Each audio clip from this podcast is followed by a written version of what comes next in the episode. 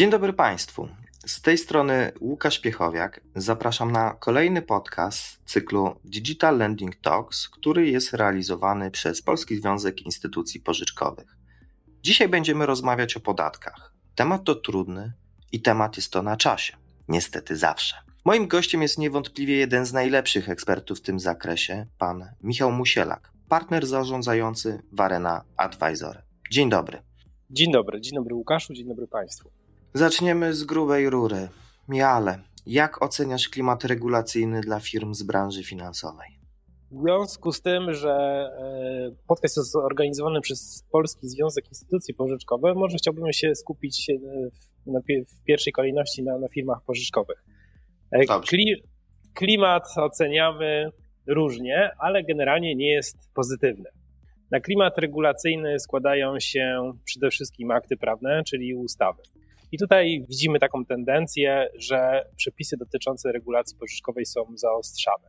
Czy to w postaci z, zmniejsz, zmniejszonego wynagrodzenia, zmniejszenia wynagrodzenia, jakie firmy pożyczkowe są uprawnione pobierać od klientów, czy też po, poprzez wprowadzenie innych ograniczeń, na przykład, no tutaj może mniej kontrowersyjne ograniczenie, czyli w zakresie hipotek, hipotek dotyczących pożyczek od osób nieprowadzących działalności gospodarczej.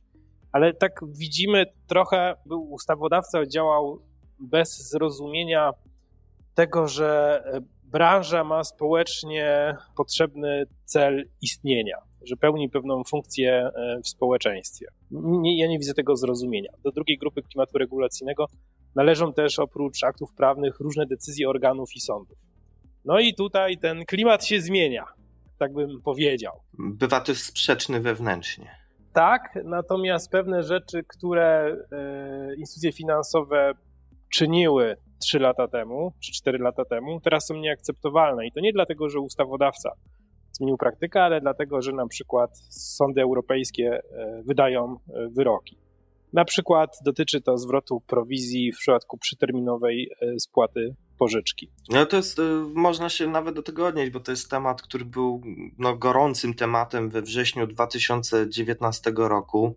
Też medialny, tak? Wypowiadały się wszystkie instytucje odpowiedzialne za nadzór finansowy w Polsce. No, dla instytucji finansowych nie są korzystne i one też miały swoje argumenty, ale jest wyrok i tutaj no faktycznie do, do, do momentu, kiedy nie wybuchła pandemia i nie pojawiły się ważniejsze tematy, to ten był kluczowy.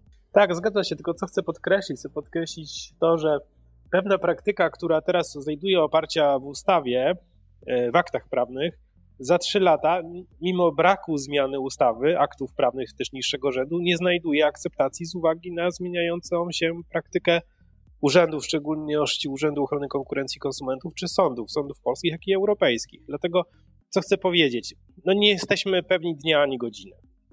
Mimo, mimo że, działa, że działamy zgodnie z zasadami. W związku z tym ten klimat się zmienia i jest dosyć nie, niepewny.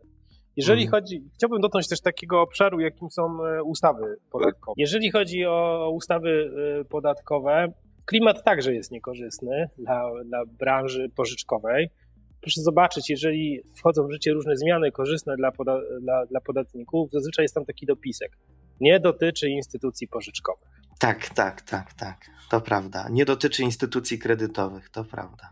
Jest parę takich e, fajnych schematów podatkowych, które podmioty z tej branży nie mogą zastosować, bo są wyraźnie wyłączone.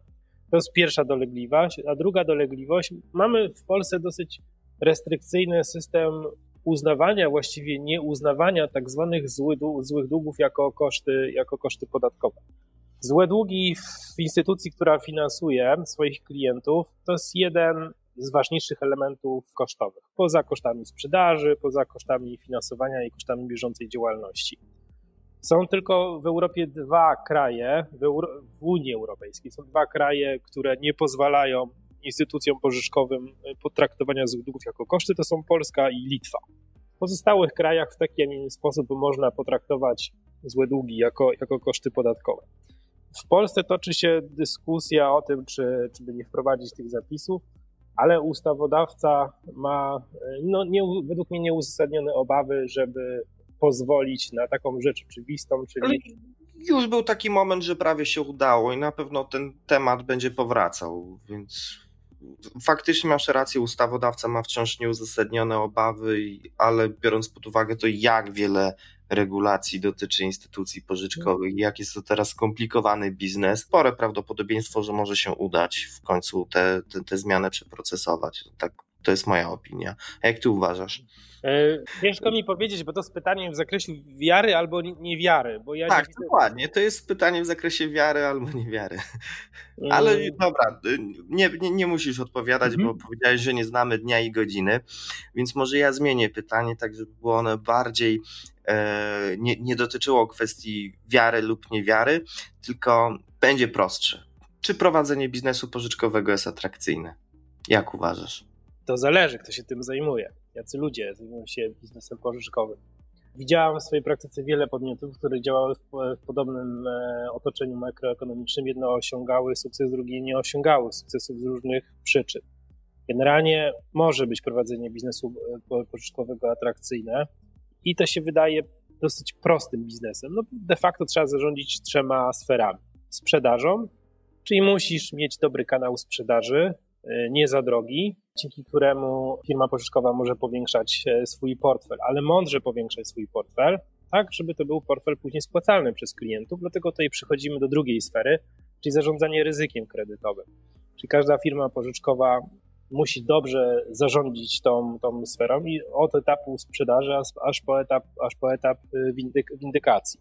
Trzecia sfera to jest dostęp do kapitału. Jeżeli firma pożyczkowa ma dostęp do kapitału, dobry dostęp do kapitału elastyczny, to jest to warunek konieczny do prowadzenia działalności. Brzmi bardzo prosto. Trzy sfery.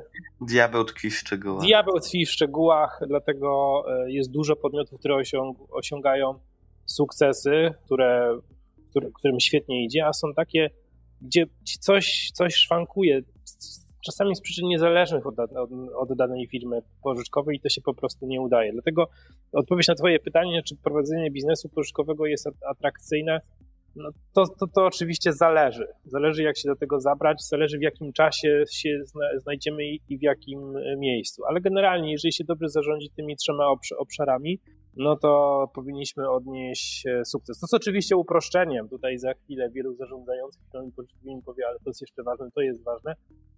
No ale... Oczywiście, no to prawda, jeszcze pojawi się czynnik technologiczny, za, zasoby ludzkie, kwestie chociażby tego klimatu regulacyjnego, wyceny kuponu hmm. i tak dalej, i tak dalej. No to jest chyba oczywiste, ale rzeczywiście to uproszczenie do tych trzech obszarów to ono się wydaje takie podręcznikowe wręcz.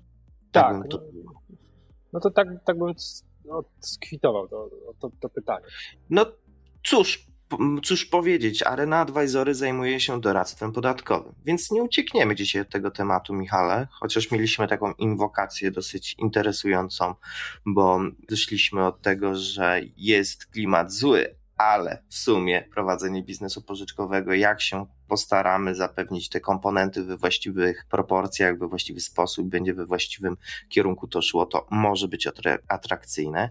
No ale podatki dzisiaj są pewnym tematem naszej rozmowy. No i też podatki trochę w kontekście polskiego ładu, bo bo wszyscy o tym mówią i każdy chciałby usłyszeć opinię ekspertów w tym zakresie. Jak oceniasz te, może nie zmiany, tylko zapowiedzi zmian, albo y, nawet nie wiem, jak to określić, bo przecież nie ma ustaw, y, a, y, tylko, tylko propozycje w mediach zawieszone. Dobra, co nas może czekać i porozmawiajmy o tym nie w kontekście wiary, tylko w kontekście tego, co teoretycznie wiemy. PPP, program podwyżki podatków. O, piękne. E, jeżeli na chwilę użyjmy słowa nowy ład, wpiszmy w Google. Wpisz, wpisz Google nowy ład i co ci wyskoczy? Pierwsze Dobra. trafienia. Wyko wykonuję, wykonuję tę pracę specjalnie. Pierwsze, jedne pra pierwsze trafienie. Nowy ład. Ile no. stracisz? Kolejne. I dalej. Chytry plan rządu, nowy ład zabierze kasę szarakom. Dalej. Ósmy, czy tam siódmy. Nowy ład czy nowy wał? To tyle mówi internet. My się odnosimy do internetu, dlatego, bo nie ma tutaj projektów ustaw. W internecie znajdziemy też taką grafikę. Przepraszam, że ci przerwę, ale ten y, tytuł Nowy Ład zabierze kasę szarakom, to jest, no warto się nad nim pochylić, jest naprawdę dobry. naprawdę dobry. Okej, okay, no i... przerwałem tobie, kontynuuj, bo to jest ciekawe. Dlatego, jeżeli dalej będziemy szukali informacji o, o programie podwyżki podatków, no to znajdziemy taki slajd, pięć fundamentów, tutaj jest ta użyta ta nazwa, której rząd używa, e, czyli PL, i tam mamy e, następujące takie infografiki. 7 PKB na zdrowie. Świetnie. Natomiast sytuacja pandemiczna pokazała, że chyba nie kwestią są pieniądze. Drugi, druga infografika to jest obniżka podatków dla 18 milionów Polaków. Na chwilę przejdźmy do trzeciego, bo wróci szerzej omówimy tą, tą drugą. Trzeci mówi o inwestycjach, które wygenerują 500 tysięcy nowych miejsc pracy. No proszę Państwa, no ale nie, nie ma tych ludzi, którzy mogliby pracować. No w tej chwili mamy dużo wakatów w gospodarce. Ja może mówię z perspektywy dużego miasta, bo jeżeli pójdziemy do, do miast powiatowych, to tam jest sytuacja o wiele inna. Natomiast pandemia poprzez pracę zdalną i znaczne uelastycznienie rynku pracy pozwoliła jednak sięgnąć do tych zasobów, które są w miastach powiatowych. Według mnie tutaj rola państwa nie jest istotna do tworzenia miejsc pracy. Robią to przedsiębiorcy. Gospodarka idzie, e, gospodarka idzie do, do, do przodu. Natomiast wydaje mi się, że bardziej powinniśmy się skupić na automatyzacji, ponieważ naszego społeczeństwa będzie coraz mniej i powinniśmy powoli zastępować pracę ludzką e, na przykład robotami. E, czwarty, czwarty slajd to jest mieszkanie bez wkładu własnego. To jest fajne, natomiast skutkiem tego będzie wzrost cen mieszkań. Dom 70 m2 bez formalności. Ja się na tym nie znam, ale E, wydaje mi się, że przyczyni się to do większego bałaganu krajobrazowego. E, natomiast moim zdaniem, jeżeli ktoś nie potrafi wypełnić wniosku, czy znaleźć specjalisty do wypełnienia wniosku o wydanie pozwolenia budowlanego, to tym bardziej nie powinien brać się za budowę domu, bo polegnie w połowie. Ostatnia rzecz, emerytura bez podatku do 2,5 tysiąca złotych. Super, natomiast to nie przyczyni się do rozwoju gospodarczego, chociaż trochę tak, no bo część tych środków zasili rynek pracy, rynek opiekunów i, i opiekunek oraz zasili e, fundusze własne wnuków, którzy wydadzą je e, na, na konsumpcję.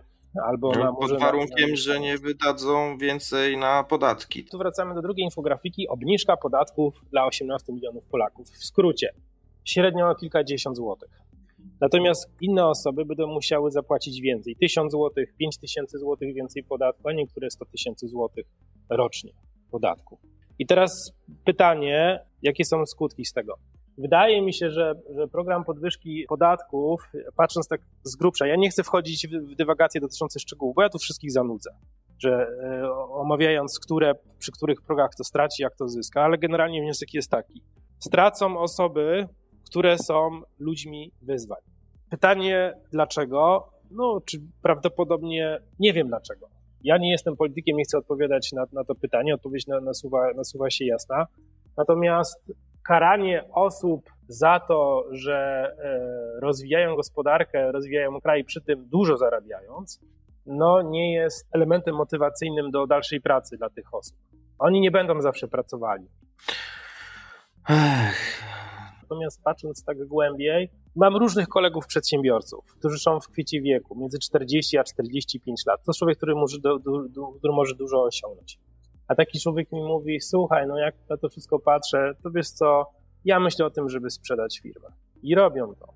I polscy przedsiębiorcy wychodzą z biznesów i sprzedają sobie, i sprzedają firmy firmom zagranicznym, bo im się ty, po prostu nie chce. To, to, co jeszcze jest taką ciekawą, fajnie, że do tego nawiązałeś, jest taka, to, to się też odnosi do samego klimatu regulacyjnego i do klimatu ogólnie prawnego w Polsce.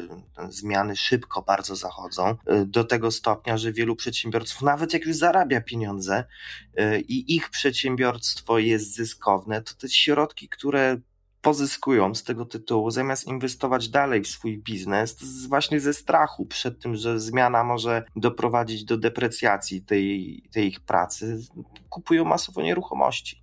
To jest taki ewenement w sumie, że, że zamiast inwestować w swój własny biznes, wolą kupować nieruchomości. To jest taka ciekawostka. Może tak, żeby nie zakończyć tematu PPP, czy też Polskiego Ładu, jak to woli, chociaż to PPP to piękne, e, piękny akronim, to ja zapytam o inny podatek. O estoński CIT. Czy warto? E, pytasz o estoński CIT polski estoński, a nie estoński, który obowiązuje w Estonii. Mm, bardzo dobrze, że to, bardzo dobrze to precyzowałeś to ja sobie sam odpowiem estoński CIT w Estonii warto, a czy polska wariacja tego podatku nazwana jako estoński, hmm. czy, czy warto w Polsce? O. Estoński CIT e, w Estonii jest bardzo atrakcyjnym e, podatkiem. Jest stawka trochę wyższa niż Krótko wstęp, tak? Mamy Estonię, która wprowadziła ten podatek. Mamy Łotwę, która wprowadziła ten podatek niedawno. Estonia bardzo dawno temu, Łotwa niedawno, a kilka lat temu jeszcze Gruzja, taki kraj poza Unią Europejską, który leży w Azji, też wprowadziła to w Europie. No nie, to jest chyba Gruzja, tak? Europa? Kaukaz. Kaukaz. Tak. No. Towarzystwo Geograficzne niech się tutaj wypowie. Bardzo przyjemny skądinąd. I te podatki zostały wprowadzone trochę inaczej niż w Polsce, bo są zazwyczaj jedynymi podatkami, natomiast w Polsce jest to jedna z wariacji podatku, podatku dochodowego. Generalnie tak jak estoński CIT w Estonii jest bardzo prostym podatkiem, e, no bo przedsiębiorca wie, że nie płaci podatku dopóki nie, dopóki zysk z tej spółki nie zostanie wypłacony, no tutaj ustawodawca wprowadził w Estonii pewne mechanizmy, to znaczy wypłata zysku. Chodzi o to, żeby uchronić się przed takimi operacjami, które, które, są, które są wypłatami, które wprost nie nazywają się wypłatą zysku, a są transferem środków do akcjonariuszy. No tu wprowadził pewne zasady, ale one są jasne w Estonii. E, natomiast w Polsce ja mam takie wrażenie, że ktoś wymyślił pomysł, a ktoś inny zajął się opracowywaniem tego, tego pomysłu. I ten, e, i ten, Dwie idee się zderzyły. Dwie idee, jedna, jedna idea Panie. Tak, jedziemy, jedziemy do przodu, dajmy oddechu, a ktoś, kto opracowywał, stwierdził, ale no jest niebezpieczeństwo może rozszczelnienia systemu podatkowego, to wprowadzajmy tutaj pewne ograniczenia. No i te, te ograniczenia e, spowodują, że trudno nazywać ten podatek e, podatkiem estońskim. Ma bardzo dużo wymagań, ma bardzo dużo wymagań formalnych znacznie ogranicza grono podatników, które mogą skorzystać e, z tego, z tego podatku. Jak gdzieś przeczytałem wypowiedź jednego z urzędników, to będzie 40 tysięcy podmiotów. Nie wiem, ile podmiotów skorzysta z tego podatku, ale na pewno nie 40 tysięcy, ani nie 20 tysięcy, ani 10 tysięcy, więc taki dosyć po, po, po, Ponoć 300. Yy, 300 podatników. Hmm. Nie będę komentował tej, tej, tej liczby, ale może kolejne 300 się zastanawia na tym dosyć, dosyć poważnie. Znaczy to nie jest tak, ja nie, chcę wy, ja nie chcę krytykować tego pomysłu, bo pomysł jest dobry. Natomiast jeżeli patrzymy na branżę fintech, lendtech, no to ten pomysł dotyczy, myślę, że polskich przedsiębiorców, którzy prowadzą działalność. Podmiot zagraniczny nie skorzysta z tego podatku poprzez różne ograniczenia, bo po prostu nie może, bo wspólnikami muszą być e, osoby fizyczne, a zazwyczaj struktury udziałowe podmiotów zagranicznych nie przewidują wyłącznego udziału osób fizycznych w prowadzonej działalności gospodarczej. Tam też są limity na przykład do 100 milionów złotych przychodów. Ale generalnie ja bym tę opcję rozważał. Jeżeli jesteśmy dwoma, trzema przedsiębiorcami, którzy prowadzą działalność, to bym się przynajmniej zastanowił, czy mi się to e, opłaca. Szczególnie w kontekście teraz e, zmian dotyczących spółek komandytowych i właściwie braku takiego podmiotu, który powodowałby opodatkowanie w działalności gospodarczej w granicach 20% dochodu i nieponoszenia odpowiedzialności za długi, oso- odpowiedzialności osobistej. Bo ten estoński, estoński CIT może być odpowiedzią na to. W pewnych przypadkach efektywna stawka na poziomie osoby fizycznej może wynieść około 20% przy spełnieniu pewnych warunków. Natomiast Łukasz, jeżeli rozmawiamy o branży lendtech i fintech, to ja bym się zastanowił też nad innymi aspektami podatkowymi, a może zamiast wchodzić w skomplikowany estoński VAT i drżeć, czy my spełniamy, tak co roku drżeć, czy my spełniamy te warunki, czy co robimy za 4 lata, może zdecydować się na ogólne zasady opodatkowania i popatrzeć, e, spojrzeć w ustawy, jakie mamy ulgi podatkowe, które możemy skorzystać w przypadku inwestycji w nowe technologie. To jest IP Box, czy to jest e, ulga B, B, B plus R. Uważasz, że IP Box jest atrakcyjny? Jest bardzo atrakcyjny. To dobrze. To oczywiście zależy gdzie, ale to jest jeżeli pytasz o stawkę, no to tak, no bo normalnie mamy 19%, tutaj mamy 5%, więc pytanie, odpowiedź brzmi oczywiście jest bardzo atrakcyjny, no bo generalnie nic nie musimy zmieniać w swojej strukturze, tylko zamieniamy stawkę w tabeli w Excelu. To jest, to jest oczywiście uproszczenie, bo trzeba wykonać dużo pracy i wydzielić te, i wydzielić e, takie obszary, które mogą, mogą być opodatkowane stawką 5% i takie, które mogą być opodatkowane stawką 19%, no ale efektywnie, jeżeli przy tym zejdziemy do efektywnej stawki podatkowej na poziomie 10 punktów procentowych, no to dosyć, dosyć fajna opcja dla, dla branży. I my takie, my takie projekty wykonujemy w, dla podmiotów z branży, branży finansowej, z branży fintech i, i lendtech. Czyli branża fintech i lendtech. Tak podsumowując, bo już jesteśmy w 20 minucie naszego podcastu, do rozważenia oczywiście ten klimat y, jest jaki jest i chyba trzeba go po prostu zaakceptować. Ta preferencja czasowa w tym biznesie zastanawiania się nad pewnymi rzeczami jest krótsza i trzeba szybko te decyzje podejmować. Może on być atrakcyjny, a w zasadzie jest atrakcyjny, tylko trzeba to wszystko skalibrować i mieć też trochę szczęścia. Kwestie estońskiego CIT-u do rozważenia do zastanowienia się, jak to można zrobić, ale są też inne rozwiązania, może nawet bardziej atrakcyjne, i tutaj z Areną można oczywiście porozmawiać na temat atrakcyjności tych rozwiązań. Jak nie tak. Tak, zachęcamy, no jeżeli nie z Areną, to zachęcamy do kontaktu z licencjonowanymi doradcami podatkowymi, którzy na pewno pomogą w tych przypadkach, bo też zwracam, zwracam uwagę, żeby nie generalnie nie niektórzy dostarczy, niektórzy usługodawcy czy, czy specjaliści w tym zakresie mają jedne rozwiązania, czyli na przykład ja tylko estoński CIT, tylko estoński CIT. Ważne jest to, żeby rozmawiać z takim doradcą podatkowym, który nie przyjdzie, nie powie dla pana estoński CIT, tylko zawsze wypyta o prowadzoną działalność gospodarczą, wejdzie głębiej i wtedy zaproponuje opcje dostosowane do do aktualnie prowadzonej działalności gospodarczej, ale też do planów, które ma dany przedsiębiorca na najbliższy rok, najbliższe dwa albo, albo trzy lata. To zachęcamy czyli, do współpracy z takimi czyli, doradcami podatkowymi. Czyli indywidualne podejście, zwracać uwagę na indywidualne podejście, a nie na schematy z szuflady. Tak. To jest bardzo, bardzo, bardzo istotne. No to tutaj już stawiamy kropkę. Mam nadzieję, że nie zanudziliśmy Państwa podatkowym podcastem. Mnie się bardzo podobał, był bardzo interesujący. Zachęcam do odsłuchania innych audycji z cyklu Digital Lending Talks. Ja przypomnę, moim gościem był dzisiaj pan Michał Musielak, partner zarządzający w Arena. Dziękuję za rozmowę. Dziękuję bardzo. Dziękuję Państwu. I to chyba wszystko. Teraz już jest koniec. Dziękuję.